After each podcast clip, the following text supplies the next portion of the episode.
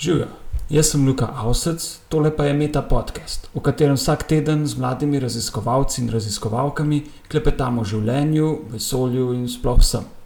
Moji sogovorniki so znanstveniki, pred zaključkom doktorata z različnih področji znanosti.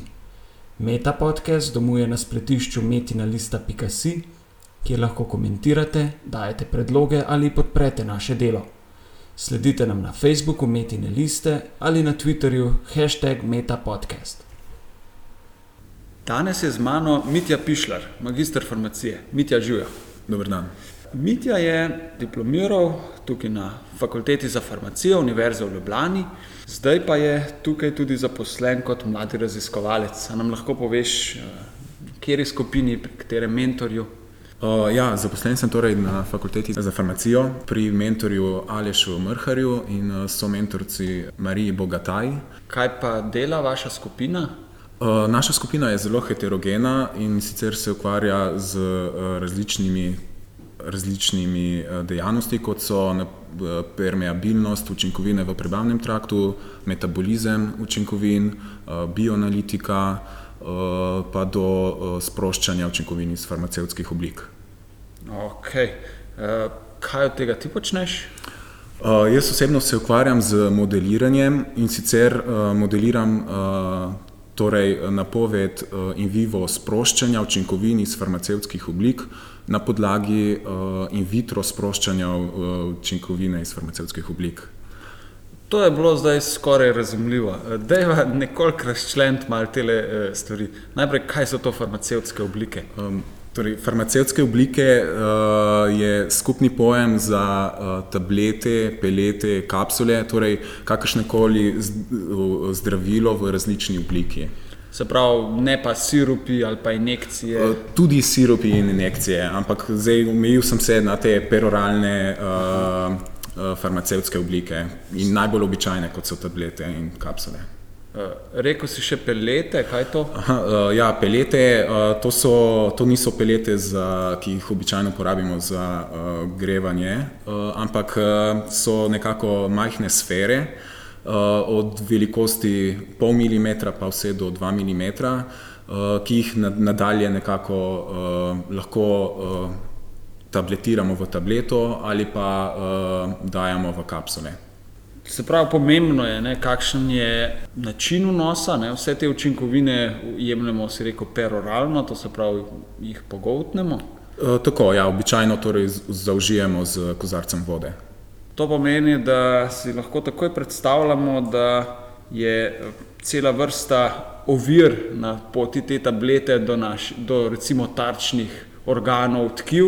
E, prvo je že sam prebavni trakt.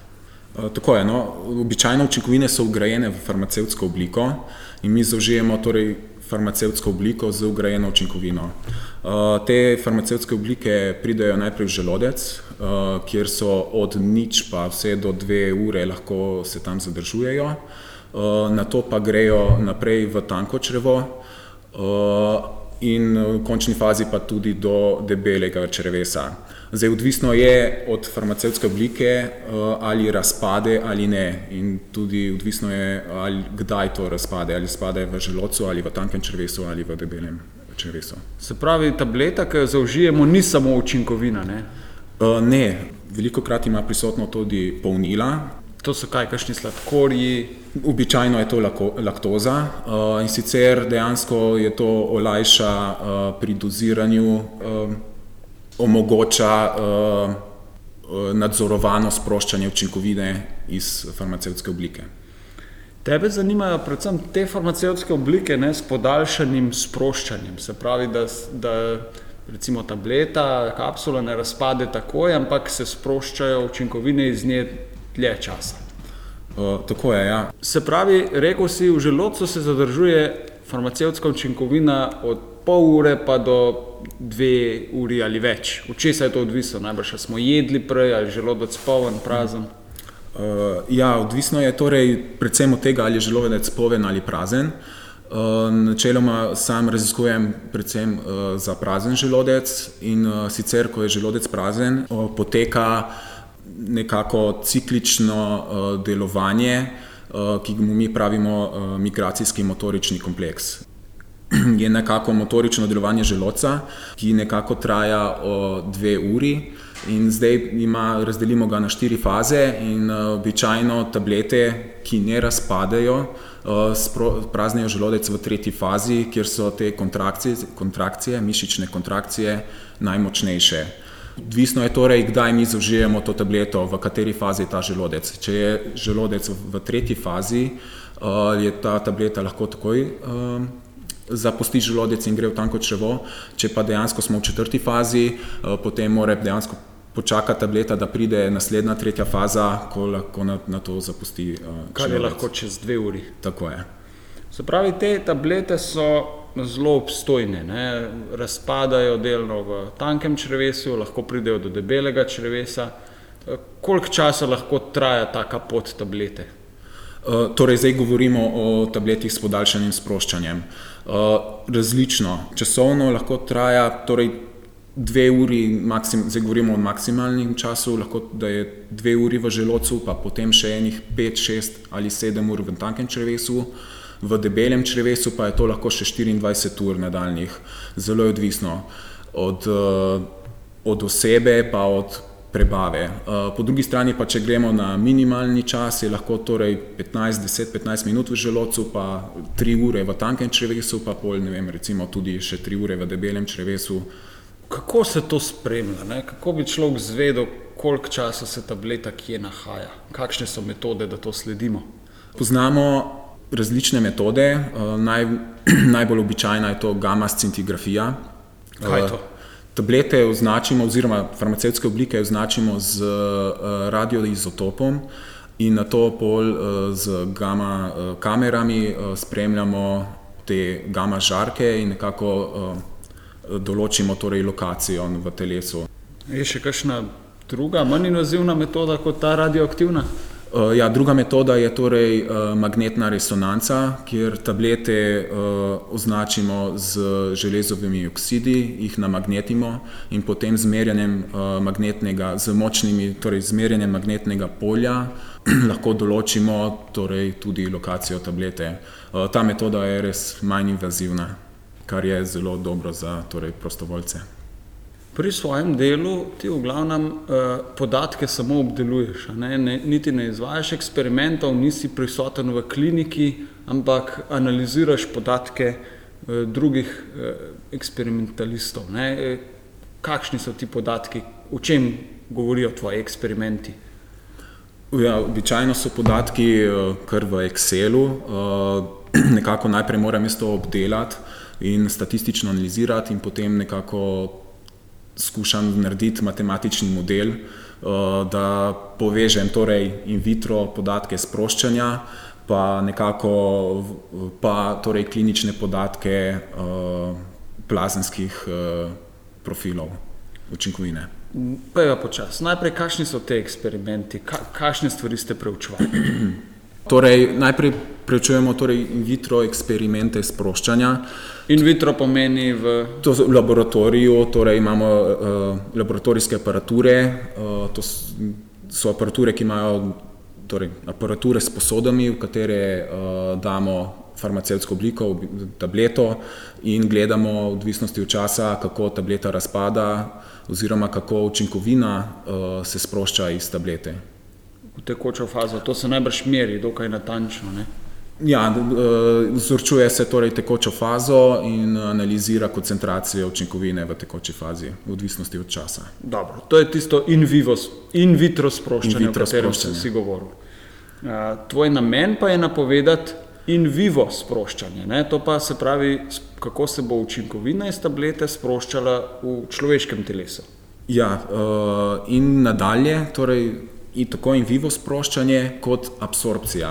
Aha, torej, kaj je to, ta korak? Uh, torej, učinkovina se sprošča in vivo, torej je prisotna v prebavnem traktu. Uh, naslednji korak je torej absorpcija skozi membrano, skozi steno prebavnega trakta v centralni krvni obtok. Uh, in končna Končni napoved je koncentracija učinkovine v krvnem toku v odvisnosti od časa, ki mu rečemo uh, plazenski koncentracijski profil. Pogovarjala sem se prej malo o tem plazenskem koncentracijskem profilu.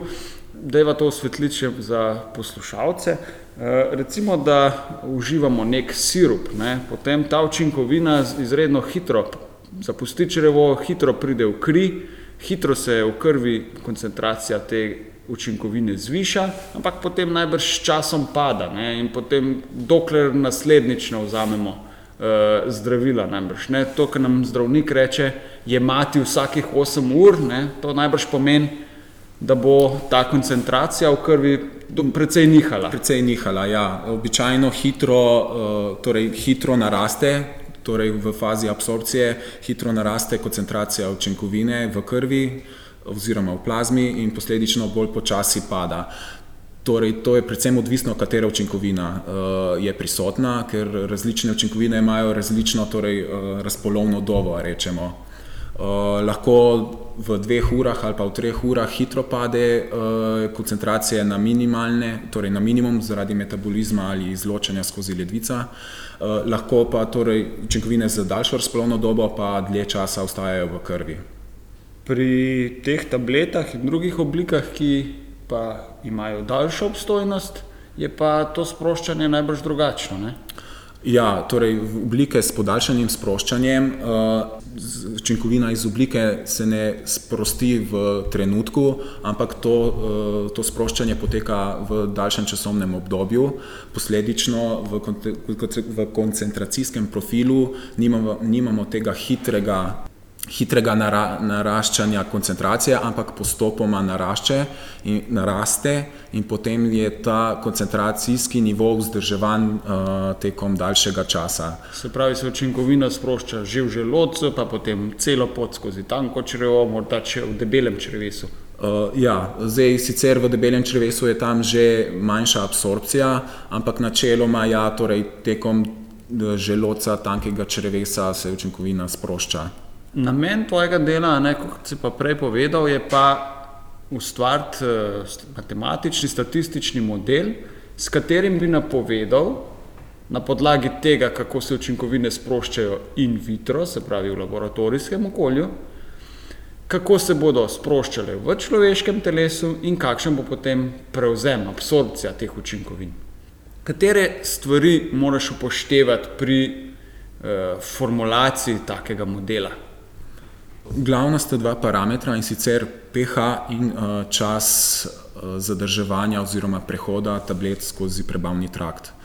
Uh, zdaj, pH se nekako že upošteva pri in vitro testih sproščanja, torej mediji, v, v katerem testiramo tablete, imajo nekako enak oziroma upoštevajo to variabilnost pH-ja v prebavnem traktu. V modelu je pa vključen torej čas prehoda uh, skozi prebavni trakt. Se pravi, rekla so v želodcu do dve uri, kakšen je pH? Torej, v praznem želodcu uh, je pH od 1 do 3. Pa v tankem črvesu, debelem črvesu se ta pH potem uh, ja, neutralizira? Uh, Ko preide iz, iz želodca najprej v tanko črevo, je 12, kjer se ti sokovi uh, združijo z žočnimi sokovi in uh, pH na hitro naraste na 5-6. Uh, in potem tekom tankega črvesta ta pH postopoma raste do 8, na kar približno za eno enoto pade v, kolo, uh, v kolonu. Kakšen je pomen teh raziskav? Ne? Recimo, ti specifično raziskuješ učinkovino diklofenak. To je zelo pogosto uporabljeno zdravilo. Zakaj se uporablja?